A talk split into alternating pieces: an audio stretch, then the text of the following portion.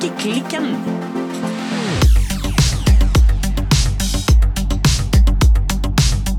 Hei, Silje. Hei, Birte. Hallo. Hallo. Birte, Ja, hva strikker du på i dag? du, nå skal du høre. Ja. Jeg, eh, jeg må rett og slett eh, finne fram strikket mitt eh, i denne her eh, posen som står på gulvet. ja, dette blir det bra radio av. Ja. Show, don't tell. Yes. Fordi at um, det regner så voldsomt ute i dag. Ja, det kan få gjorde lov å bare si Kan, kan vi klage på været på Ja. Vestlandet? Ja, det Ja. kan vi. Ja, det høljer. Ja, det høljer ned. Jeg skulle ta med meg min cardigan nummer åtte for å Fra- vise den fram. Fra My Favorite Things Knitwear. Yes. Og så måtte jeg rett og slett eh, hive den opp i en eh, plastpose. En Rema 1000-pose som Ja. jeg knaut igjen som en Boss-pose. Ja, du kjører stil. Ja, eh, dessverre ikke Balenciaga-stil, men ok. Rema 1000 for å være the second best thing. Yes. Satte den på gulvet i gangen. Og så, når vi skulle til å gå i innspilling her, så var det nesten bare flaks at um, For det så virkelig ut som en ekte Boss-pose. Ja, og jeg vet ikke om du fikk det med deg, men altså, min mann skulle jo da på butikken, og jeg ba han ta med bosset ut. Ja. Så egentlig var faktisk din eh, cardigan nummer åtte på vei til, rett ut i bosset der. Ja. Du må ikke sette sammenknytte Rema Nei. 1000-poser i gangen min, altså. De går rett i søpla, de. Ja, altså jeg så det når jeg kom ut i gangen. var sånn Oi, her var det en Nei, det var ikke en Boss-pose, det var faktisk eh, strikkeposen min. så nå rasler jeg litt eh, oppi her og Ja. tar ut eh, min kardigan nummer åtte.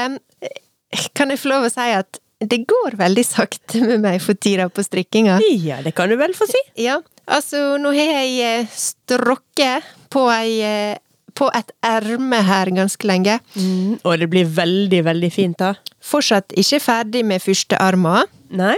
Men vi må jo ta dette litt mer forbindelsen av. Ja. Dette er altså en cardigan, det vil si en jakke, fra My Favorite Things Knitwear, strikket i dobbelt garn.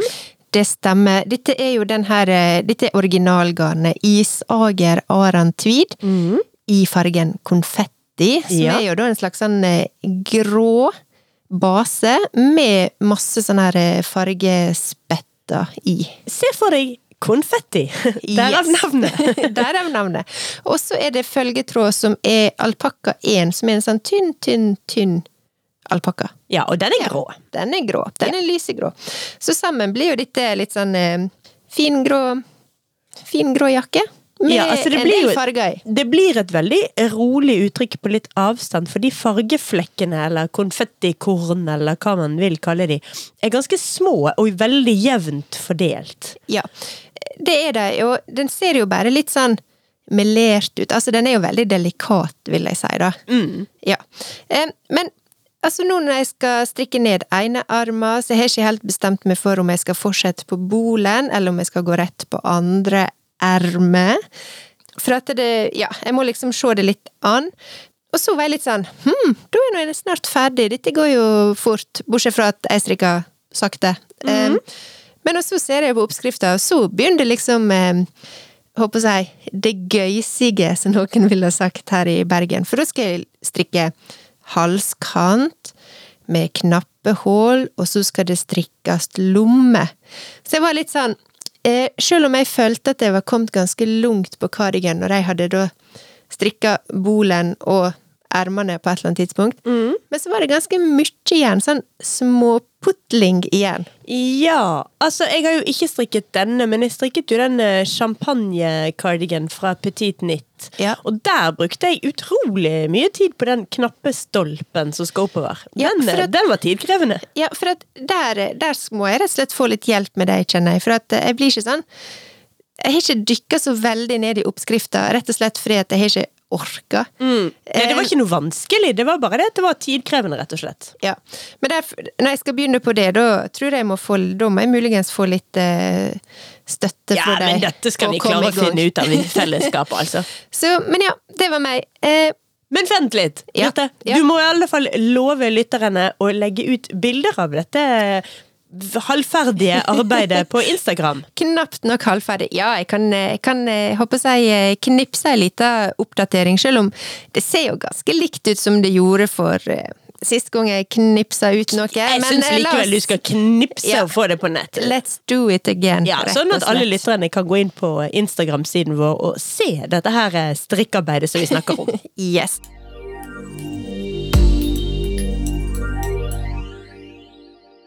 Men da, Silje, Ja. ja. Jeg er faktisk veldig spent på hva du strikker på, for nå er det Altså, nå har vi hatt så mye mm, strikkehistorie og alt mulig. At, og fragment og jeg vet ikke hva. Så nå, nå er jeg helt mista tråden, eh, bokstavelig talt, på hva det er du strikker på. ja, og det har egentlig jeg også. Sannheten er at jeg ikke strikker. Nei! Jeg hekler. Det må være Ja, ok.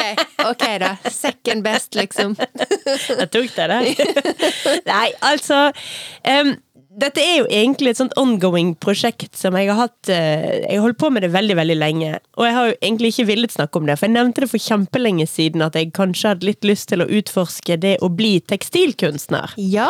Det har jeg fokusert ganske mye mer på i det siste. Og, så jeg Ja. holder det er et ganske omfattende prosjekt, og Ja. det er litt vanskelig å snakke om det fremdeles. Ja. Fordi jeg hekler veldig, veldig mange eh, små former, som jeg så skal sette sammen til et større arbeid. Ja. Så jeg har sikkert heklet eh, Jeg vet ikke antall. Nærmer meg kanskje 100. Oi. Ja. Altså, jeg har jo sett noe av det, og du er nå som vanlig Det er jo speedy på denne heklinga også. Ja da, og det å hekle de formene helt uten eh, oppskrift og helt uten noe eh, si, mål og mening Eller det, det finnes jo et mål, og det finnes en mening, Ja. men hver form får lov å bli sånn som hver form har lyst til å bli. Ja. Litt sånn, ja, og, og, ja, både ut ifra tråden og min dagsform og hva som enn skjer i lavtrykket og høytrykket, og hva er det noen egentlig er som påvirker kreative prosesser. Ja, for at du du driver nå og, og styrer på, men eh, en og en halv latte, så har du ofte mm, fått deg en liten tutt her og en tutt der. En tutt her og en tutt der, og noen av de er jo store, og noen av de er små, så det er litt forskjellig hvor lang tid de tar. Men Ja. eh, det er veldig kjekt å holde på med. Men eh, jeg kjenner også at jeg savner litt sånn strikke for å få noe ferdig, noe som er litt mer håndfast. Ja. For det er en risiko for at jeg nå har sittet i mange måneder og heklet disse små eh, formene, og så når jeg begynner å sette de sammen, så hender jeg opp med å tenke Nei, dette var jo bare skit. Ja. Det, det kan være. Ja. Det er på det er jo et kunstprosjekt i utvikling. Altså, Jeg har aldri gjort det, dette før, så det kan være at jeg hater det når det begynner å komme i hop, liksom. Ja. Men du er i prosess, rett og slett. Jeg er i prosess, rett og slett. Men jeg, jeg tror jeg skal, for å avslutte prosessen, så det jeg egentlig skal strikke, er jo at jeg skal strikke ferdig søsteren min sin uh, Tove sweater fra Gregoria Fibers. Ja, det stemmer. En rosa en. Nei, min var rosa, og den er ferdig. Men denne var blå. Ja, Ja. den er blå. Og, Ja. Men hun har strikket ganske mye på den, og den er full av hull og ser helt forferdelig ut. Så jeg lurte på om jeg skulle bare rekke opp hele skiten og eh, begynne på nytt for henne. Men det får jeg se litt på. Ja. Og, og så vil jeg veldig gjerne eh, strikke meg en eh, Oslo-lue. Rett og slett fordi eh, jeg mangler en lue. Ja. Jeg, med, altså, jeg holder jo på med et sånn eh, Oslo-hue, jeg også. Ja. Eh, den er heller ikke ferdig, men eh, ja, det er nå i denne her, dette her handfarga permingarnet. Ja. Eh, og jeg husker jeg satt og strikka litt på det, og da sa du ja, jeg tror jeg må ha lyst på en sånn Oslo-lue. Ja, ja. for altså, den, jeg har faktisk bare én lue nå, og det er, den er strikket i sånn halvpatent med trippel mohairtråd. Så Ja. den er søt og fin og grei, men eh, den blåser jo tvers gjennom den, og den, eh, altså, den har varmende effekt hvis du har en hette utenpå. Ja. Men eh, den er ikke tett nok til å holde ute bergensvær.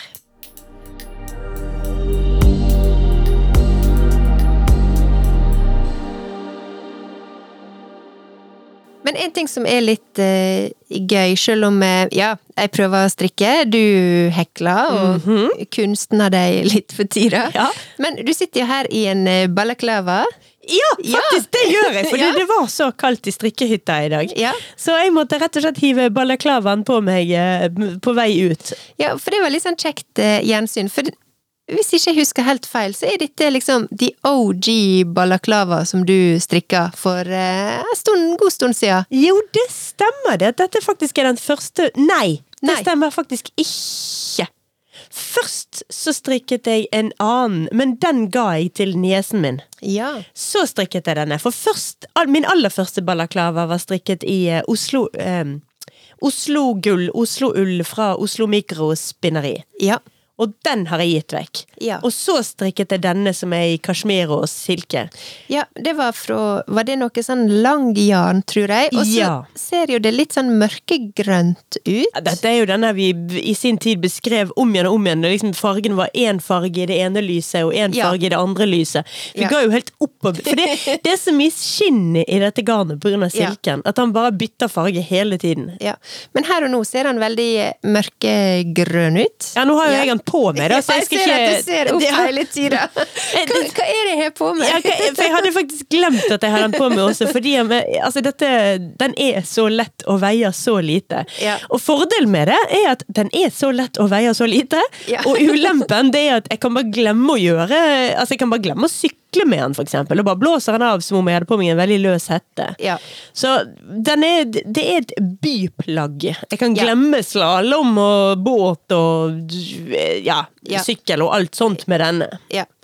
Nei, men jeg har jo også en sånn fin balaklava, eller en sånn byballaklava i Jeg liker ordet Ja, bybalaklava. Ja, byballaklava i Kashmir, som er sånn fint til sånn ullkåpe og Ja, Grådig fin å gå på kafé med. ja du, kan, men du kan gi den litt sånn 50s-schwung eller et eller annet sånn. Mm. Men så strikker jo jeg med også en, en balaklava fra Petit Nit, og den strikka jeg også fordi at jeg følte jeg trengte en mer sånn håper si stå i parken i iskald eh, snø og se på barn som eh, renner på akebrett eh, balaklava. Ja, jeg har jo en sånn, jeg òg. Ja. Ja. Så den sitter mye tettere rundt Altså, og helt annet garn. Min sånn varmebalaklave den sitter så tett rundt ansiktet at jeg ser ut som jeg har på meg sånn våtdrakt. Ja. Så den, den er ikke flatterende, for Nei. å si det forsiktig. Nei, det er litt sånn eh, baby-barnehage-balaklava-aktig. Ja. Men jeg så noe kult. Jeg var på Island her for eh, forrige helg. ja, fortell, fordi du har vært ute og reist. Jeg har vært ute og reist, Ja. men jeg skal bare først fortelle om balaklava og Island. Ja. For da så jeg en veldig kul islandsk dame med balaklava og lue utenpå. Ja. Og da tenkte jeg bare sånn åh, det så veldig bra ut. Men det, da vet du at du er på Island da, også. ja, ja da. Det, da ikke du er det, det, We're not in Kansas anymore. da var det bare til å kle på seg, tydeligvis. Men det kjente åh, det er derfor jeg trenger en Oslo-lue. Så jeg kan ha en Oslo-lue utenpå balaklavaen min. Ja, Men er du, da, er du da i by, eller er du håper jeg, på fjellet? Nei, altså her tenker jeg at dette, hvis denne Oslo-luen blir fin, og jeg har på meg denne pene byballaklaven under, så tenker jeg at dette kan funke i by, altså. Men på fjellet så kan jeg ha på meg den våtdraktbalaklaven med eh, Oslo-lue utenpå. Ja, men da snakker vi lag på lag. Ja, altså, Hvis det fremdeles er kald da, så kan jeg jo hive på meg den eh, halvpatentluen utenpå der. Og da er jeg lag på lag på lag! Jeg trodde du skulle si, Og hvis jeg fortsatt er kald, da, da, får det bare være. Da drar, går jeg hjem! Ja, da får det bare, da får det bare pinadø være.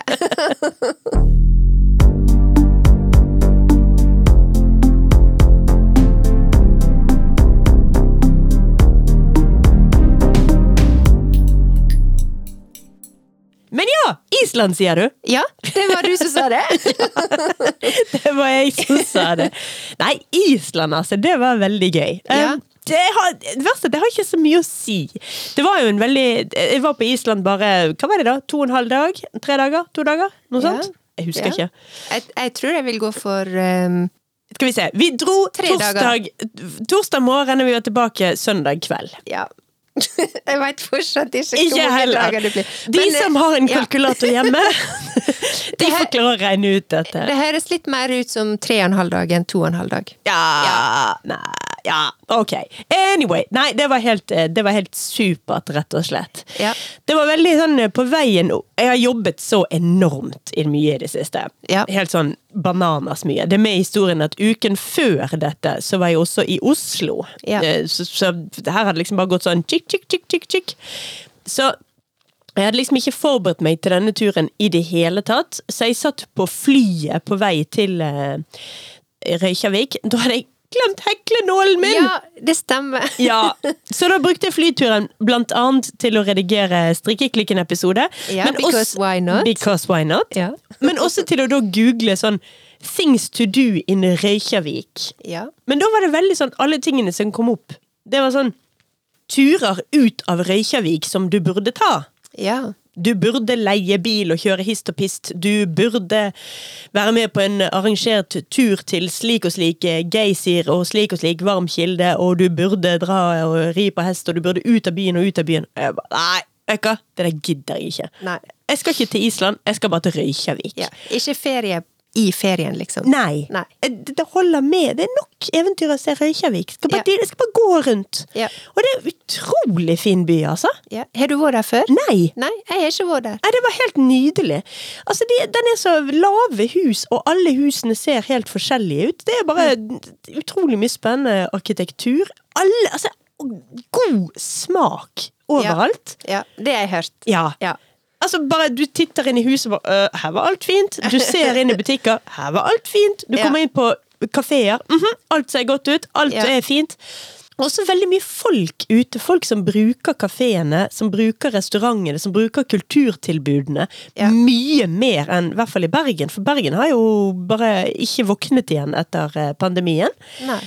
I Oslo har jo våknet litt, der er det folk på kafeene. Men Ja. eh, Bergen har, det er jo helt tomt overalt. Ja, er det det? Ja, det er helt ja. dritkjedelig. Mm. Ja. Så det var veldig kjekt. Og så er det var sinnssykt spaservennlig by.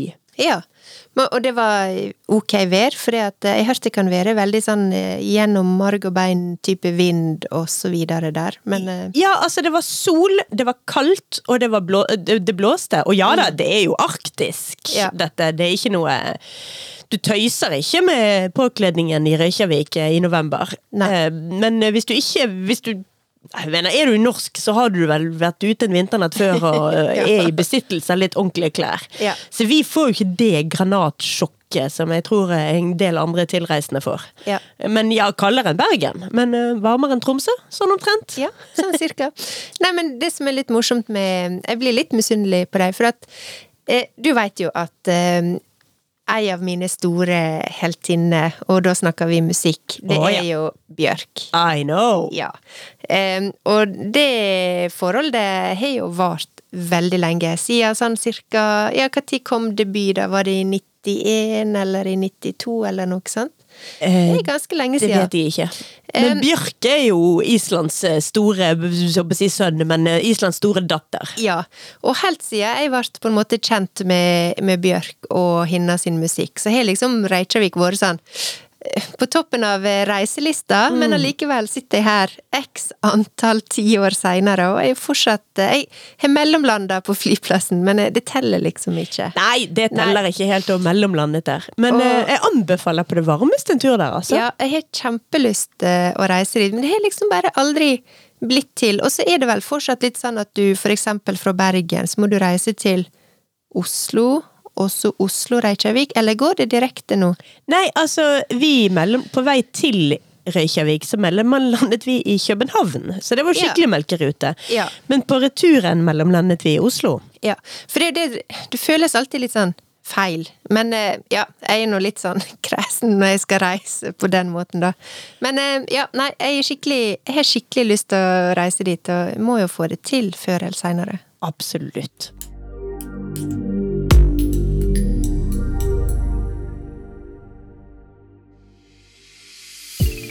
Strikkeklikken er denne uken sponset av Rauma Garn. Torsdag 24. november lanserer Rauma Garn årets fremstrikkmagasin, og du er invitert. Dette er et magasin som inneholder interessante artikler om verdikjeder til den norske ulla. I tillegg finner du en kolleksjon i 100% norsk ull.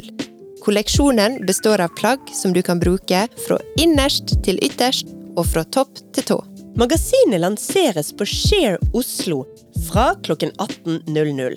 Fra klokken 18.30 presenteres magasinet og kolleksjonen. Deretter blir det strikk og drikk og god stemning. Du finner mer informasjon på Facebook-eventet på Raumagarn si Facebook-side. De 100 første som kommer, får en goodiebag og noe godt i glasset. Velkommen til en koselig kveld med Raumagarn torsdag 24. november på Share Oslo.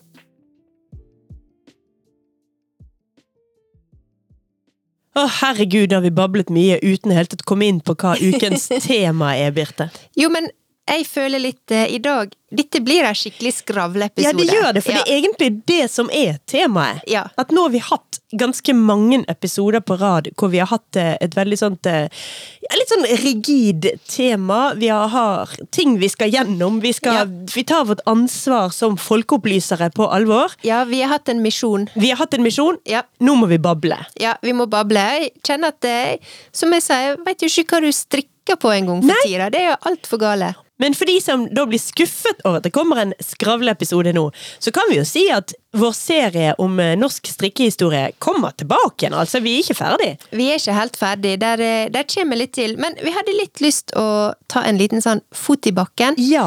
Og håper jeg catch up litt. Catch Eh, up, Håper jeg og- privat og proff og privat. Ja, og både snakke litt om hvor vi er i våre strikkearbeider, og også litt sånn oppsummere hva har vi lært hittil i vår serie Norsk strikkehistorie? Ja, også ikke minst, for veit vet du hva, Silje? Nei? Jeg eh, måtte kikke litt i kalenderen. Eh, ok. Det er faktisk to år siden vi lanserte første episode. Det, har vi toårsjubileum Ja, nå? Ja, vi har toårsjubileum. Og det sier du nå! Jeg har ikke engang tatt med meg Ikke er det flagg med ja. Vi har, vi, har, vi har ikke noe jubel eller glitter eller um, fanfare eller Ingen konfetti, ikke noe fyrverkeri. Ikke kake, ikke noe, ikke brus. vi har ikke noe garnnøster vi kan kaste ut på hverandre engang. Nei. Nei, dette var litt uh, ah, Men eh, oh, oh, Ja, oh, jeg kom på noe lurt. Ja. For du vet, når man har bursdag, Ja. så får man bursdagspresanger. Ja. Så vi kan jo bare komme med bursdagspresangønsker til lytterne våre nå. Oi, ja, det høres litt skummelt ut. Jo, men jeg har faktisk tenkt på det. Jeg tenkte på det på flyet på vei til Island. Eh, for da jeg tok det der bildet av at jeg hadde glemt eh, heklenålen, så syntes jeg det var så jækla morsomt at jeg fniste for meg sjøl på flyplassen. Og så tenkte jeg Hæ, skulle ønske vi hadde flere følgere som kunne sett dette bildet. Og jeg tenkte på det at vi må jo bare ha våre, Alle våre følgere må dele videre mer, sånn Ja. at vi får flere følgere. Så det ønsker jeg Ja. meg i bursdagspresang. Å ja, men det var, det var noe kjekt eh, ønske. Du vil ha flere lyttere? Ja, flere, Flere lyttere. gode lyttere. Jeg ville bare flere, flere lyttere og flere følgere på Instagram. Ja. Så hvis alle følgerne våre på Instagram og alle lytterne våre kan dele Instagram-kontoen vår videre, så Ja. er det det jeg ønsker meg i to års eh, bursdagspresang på vegne av strikkeklikken. Ja, intet mindre. Nei, men jeg kan slenge meg på den.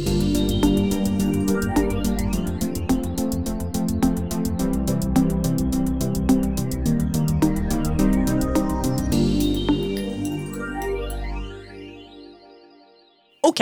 Nå rotet jeg meg vekk med å eh, ta en spontan eh, Hva heter det? Fisk etter følgere? Ja, inn, innsamlingsaksjon, holdt på å si. Ja. Nei, hva, Fot i bakken var det vi skulle snakke om, Birte. Fot i bakken. det var fot i bakken.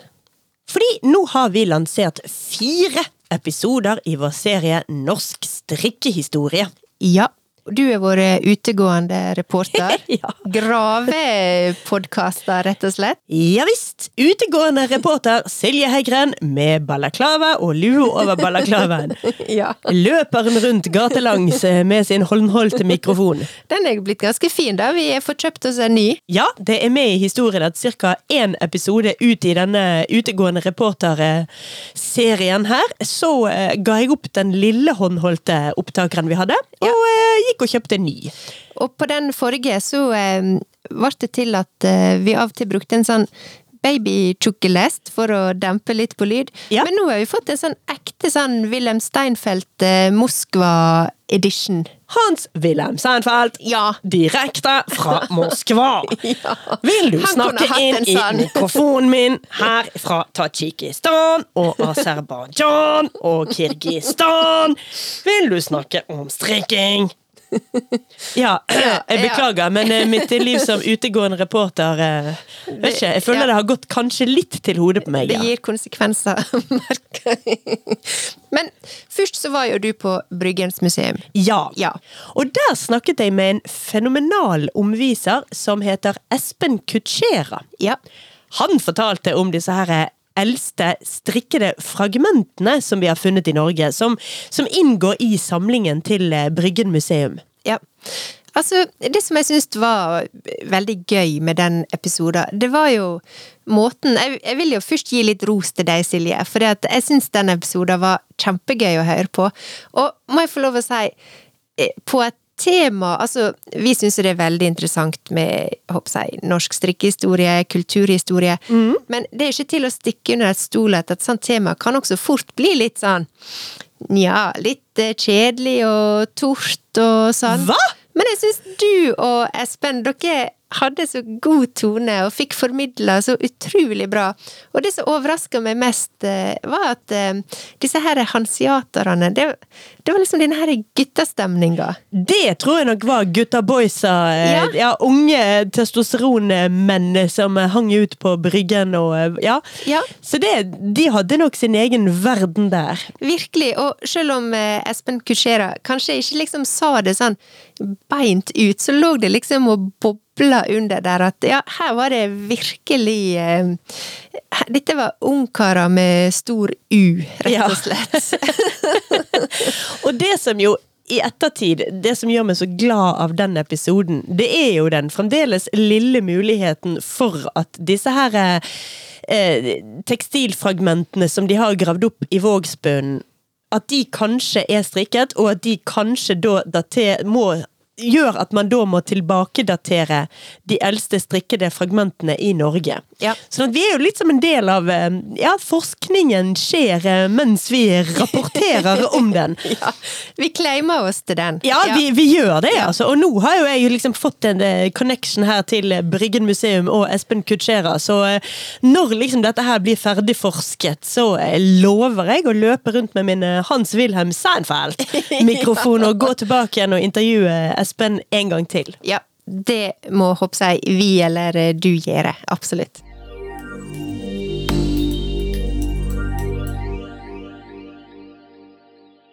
Det som er så gøy med denne episodeserien som vi eh, driver på med fortsatt, det er jo det at det er så utrolig mye rik strikkehistorie rett rundt oss her i Bergen, på alle bauger og kanter. Ja, det er helt sprøtt å være så kort vei til både Tekstilindustrimuseet og til Bryggen museum. Altså alle disse tingene. Hillesvåg og Oleanna, og ikke minst alle sauene på Radøy. Eh, ja. De, de, må også nevnes ja. når vi snakker om strikking og ull, altså. Vi må, vi må ikke glemme sauene. Nei. Men det er veldig gøy at allting er så kort vei. Ja, og dette var jo noe som eh, vi begynte å finne mer og mer ut av etter at vi begynte denne podkasten. Ja, ja, ja. jeg tror ikke vi var helt klar over den rike strikkehistoria som vi er omgitt med her. Nei, altså jeg har jo vært på eksempel Tekstilindustrimuseet før, så jeg har jo visst om det. Men egentlig hvor unikt det stedet er, har jeg vel kanskje ikke forstått. Det blir vel litt mhm. som å bo ved en fjord. Du ja. tror at det er sånn verden ser ut, og så reiser du rundt i verden, og så innser du at oi, jeg kommer fra verdens vakreste sted. Ja. Det er faktisk styggere alle andre steder. ja, og i episode to i denne her serien vår om norsk eh, strikkehistorie, så eh, var utegående reporter eh, igjen eh, på farta i The Batmobil. Ja, det var Hans-Wilhelm Silje Steinfeld. ja.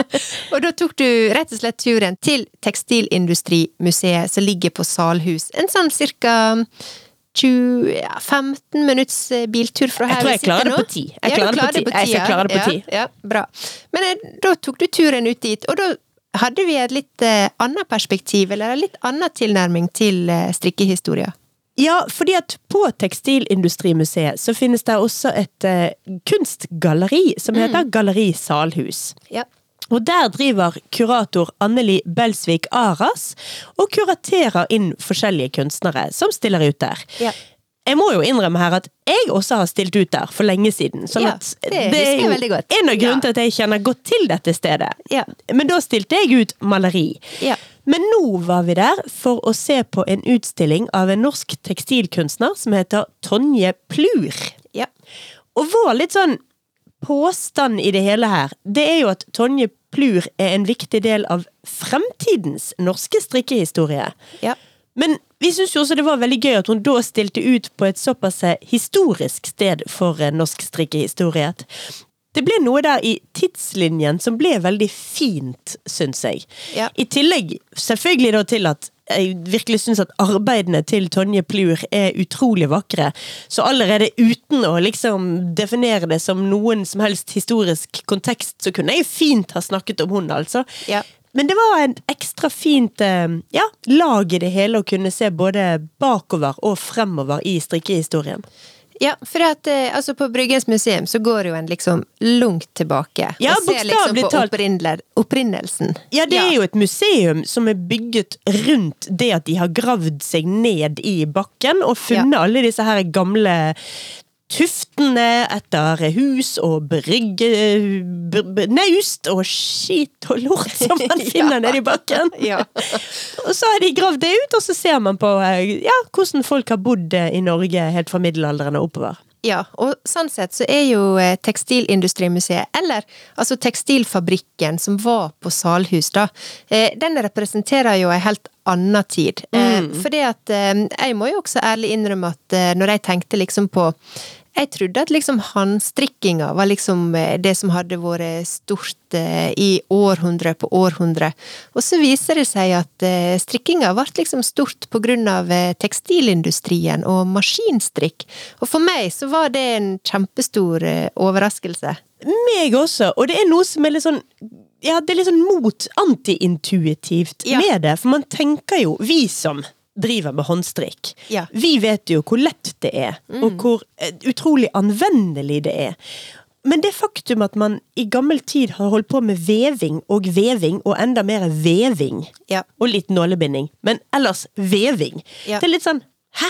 Ja. Hva var det de hadde mot strikking, da? Skjønte de ikke at det var det de måtte holde på med? Nei, altså, for det er jo litt sånn gøy å tenke på at eh, det er jo hender som har laga disse her eh, strikkemaskinene. Men hendene er jo strikkemaskiner, og de har jo en hatt siden tidenes morgen, ja. vil jeg våge å påstå. Så det er liksom Hmm, ja, det er veldig rart. Ja, og altså, egypterne klarte jo å finne opp strikking, og man hadde jo litt Altså, man importerte jo litt håndstrikkede ting, så nei Det har ennå ikke helt kommet til bunn i dette her Hvorfor har man ikke strikket tidligere? Det skjønner jeg fremdeles ikke fullt ut, altså. Nei, det er, det er veldig ulogisk, eh, rett og slett. Men det som også er litt kjekt med Tekstilindustrimuseet, det er jo akkurat denne her eh, Altså denne galleribiten som også viser at eh, tekstilkunst og den type tilnærming til strikkinga, som er en helt Det er jo den hva skal jeg si, ekstremt upraktiske tilnærminger til eh, strikking, som gjerne står i kontrast til eh, det som vi vanligvis eh, forbinder med strikking. Så det syns jeg var veldig sånn ja, interessant perspektiv, og jeg syns det var kjekt å høre Tonje Plure fortelle om hvor hun satt og strikka og strikka og strikka, og lagde da den til slutt den kunsten som hun laga. Ja, og det er jo nå er jo dette selvfølgelig noe jeg kjenner igjen sjøl nå, for nå sitter jeg og hekler og hekler, og det skal kanskje bli kunst. Vi får se. Ja. Men det skal i hvert fall, uansett så kommer det ikke til å bli plagg av de der små bitene, for det klarer jeg ikke å gjøre det om til. Nei. Så det er i hvert fall det er en helt annen måte å tenke på og holde på med. Men det er klart, materialiteten og det er veldig sånn Teknikken er jo lik, og sånn at Ja. det er mange ting som er lik mellom å håper jeg, strikke og hekle for klær, eller strikke og hekle for kunst. Ja. Men det er nå en del ting som skiller det godt også. Absolutt. Og så har jo du disse, jeg håper å si, eh, designerne, eller eh, kan jeg kalle det motekunstnerne, som, som også plutselig er, eller ikke plutselig, men som også er da i, i skjæringspunktet mellom Er det et plagg, er det kunst? Klarer en Klarer jeg å finne halshullet på dette her, så jeg kan ta det på meg, eller er det liksom Så, og så, der er noe sånn midt imellom der også, det syns jo jeg selvfølgelig også er veldig interessant å se.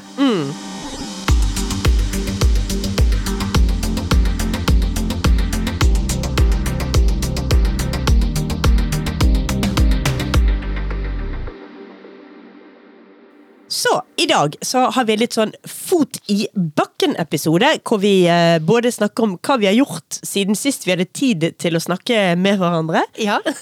og vi snakker om det vi har snakket om i det siste, Yes. nemlig norsk strikkehistorie. yes. Så i de to siste episodene som vi har sendt eh, av denne serien, da har vi jo hatt en veldig lang og veldig fin samtale med vår store heltinne, Ja. Ingunn Grimstad Klepp. Ja. Vi har hatt eh, Altså, vi hadde stort og gjevt besøk eh, her i eh, Hva skulle jeg si? Denne litt sånn flotte, men også litt sånn spartanske strikkehytta vår. Ja. Det var litt sånn, Vi hadde ikke rulla ut den røde løperen, men vi burde nesten gjort det. ja, vi må bare strikke den først. ja, jeg tror det. Men det var utrolig kjekt å ha Ingunn her på besøk, og liksom den, den kunnskapen som hun besitter. Ja, altså Ingunn Grimstad Klepp, for de som ikke kjenner til hun, hun er da professor i eh, tekstilhistorie og bærekraft ved OsloMet. Ja. Um, Og SIFO. og SIFO, unnskyld. Ja. Jeg visste det var noe jeg glemte det, så det var det var derav den lille eh. Ja. Og SIFO, ja. Og hun har gitt ut flere bøker, blant annet da eh, denne her Norsk strikkehistorie, som hun Ja. skrev sammen med Tone Skårdal Tobiassen. Ja. Ja. Sånn at hun, og hun er også, i tillegg til å være forfatter og professor, så er hun en stor formidler.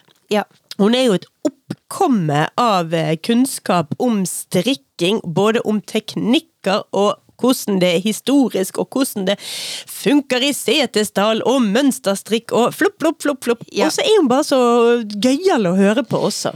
Ja, rett og slett. Og vi satt her eh, ganske lenge, og det ble jo ganske hett og på å si klamt i strikkehytta her. Men altså, måten hun bare øste av sin kunnskap uten manus, alt liksom, hun bare har det innabords. Ja.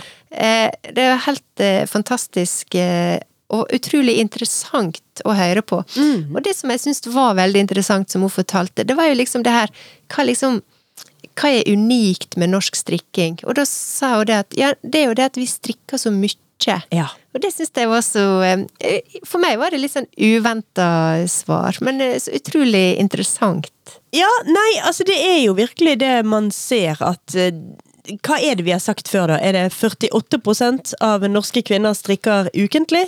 Ja. Er det der vi er? Eller strikker, helt sånn generelt. Ja, altså sånn at det er jo så enormt stor andel som strikker i Norge. Ja. Og sant, strikkeklær ser man jo selvfølgelig masse av ute i verden også. Eh, både si, det som åpenbart er strikkeklær, nemlig si, kjøpte, tjukke strikkegensere, men også strikking som teknikk, da. Ja. Som eh, Ingunn Grimstad Klepp snakket om. Joggebukser og alt sånt er jo Ja. teknisk sett strikket. Ja. Men denne håndstrikkingen, Ja. den er Der utpeker vi og vi nordkvinner oss, Jeg tror, jeg syns ikke vi kan si vi, oss nordmenn. Vi må Nei. si oss nordkvinner utpeker oss på vår eh, mengde med håndstrikking. Ja, nei, så jeg syns rett og slett eh, det var veldig interessant. For at når jeg var litt sånn hm, hva er unikt med liksom norsk strikking, så var jeg litt mer på sånn ja, hvordan ser det ut, hva strikker vi?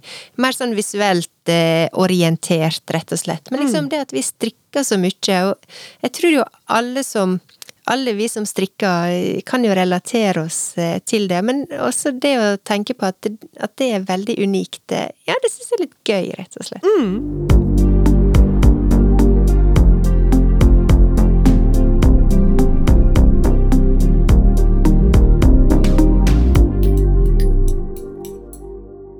Ja, Birte!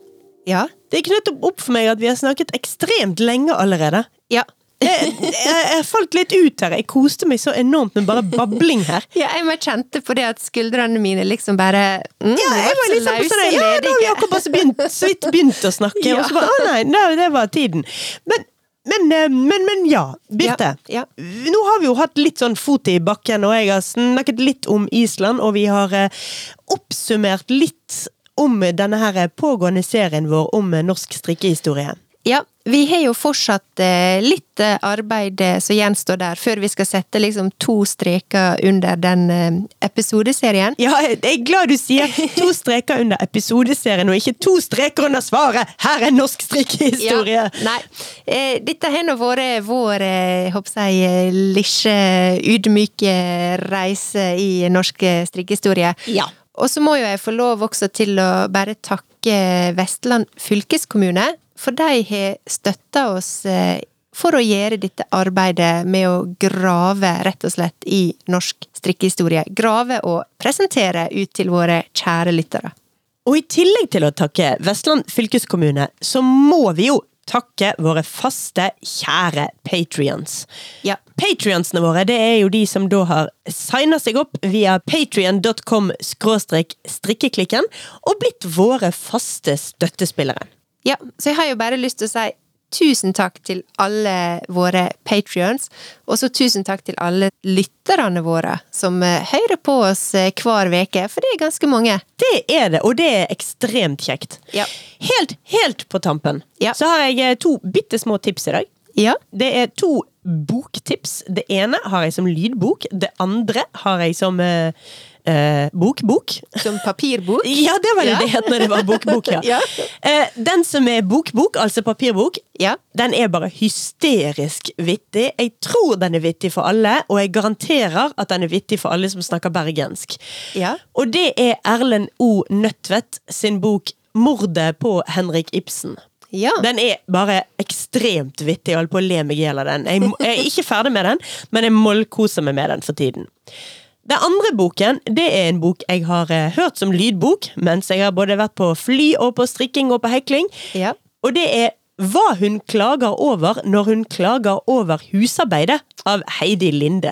Uh, Ja, det hørtes interessant ut. ja, den var også ganske gøy. Det var mye ting å kjenne seg igjen i som kvinne, og eh, hvordan eh, Ja, familielivets eh, store gleder, og oppvasken som skal tas, og klesvasken Ja. som vokser, og ja, alt man kan kose seg med i hjemmets lune vrede. Ja.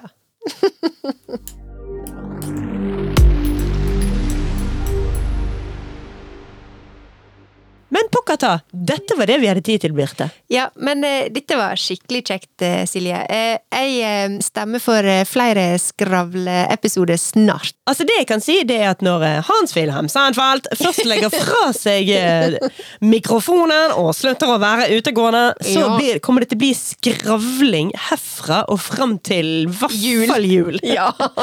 og så må vi jo avslutte med én ting til, da, Birte. Ja. Gratulerer med toårsjubileum til deg. Ja, og og nå har jeg faktisk helt glemt hele greiene. Men yes, gratulerer til oss, er Ja. det lov å si. Og til lytterne våre. Ja. Ja. Gratulerer, alle sammen. Vi har holdt ut i to år. Ja. Det, det, det vi går for to til, vi. Du, det er gått veldig fort. Jeg vet hva jeg tenkte på her en dag. At når vi hadde ettårsjubileum, det var da jeg var i Paris, og så spilte vi en episode. Jeg lå under dyna på hotellrommet. Stemmer det? Føles ikke det som typ tre måneder siden? Eh, jeg skulle til å si Føles ikke det som type tre år siden? Var jeg klar for Men ok. Jeg syns det har gått så sjukt rast. raskt. Men eh, ja, nei da. Jo da. Ok, Pokker så hyggelig. Dette må vi gjentas. Vi snakkes igjen om en uke. Det. Ha det bra! Ha det på badet. Nei.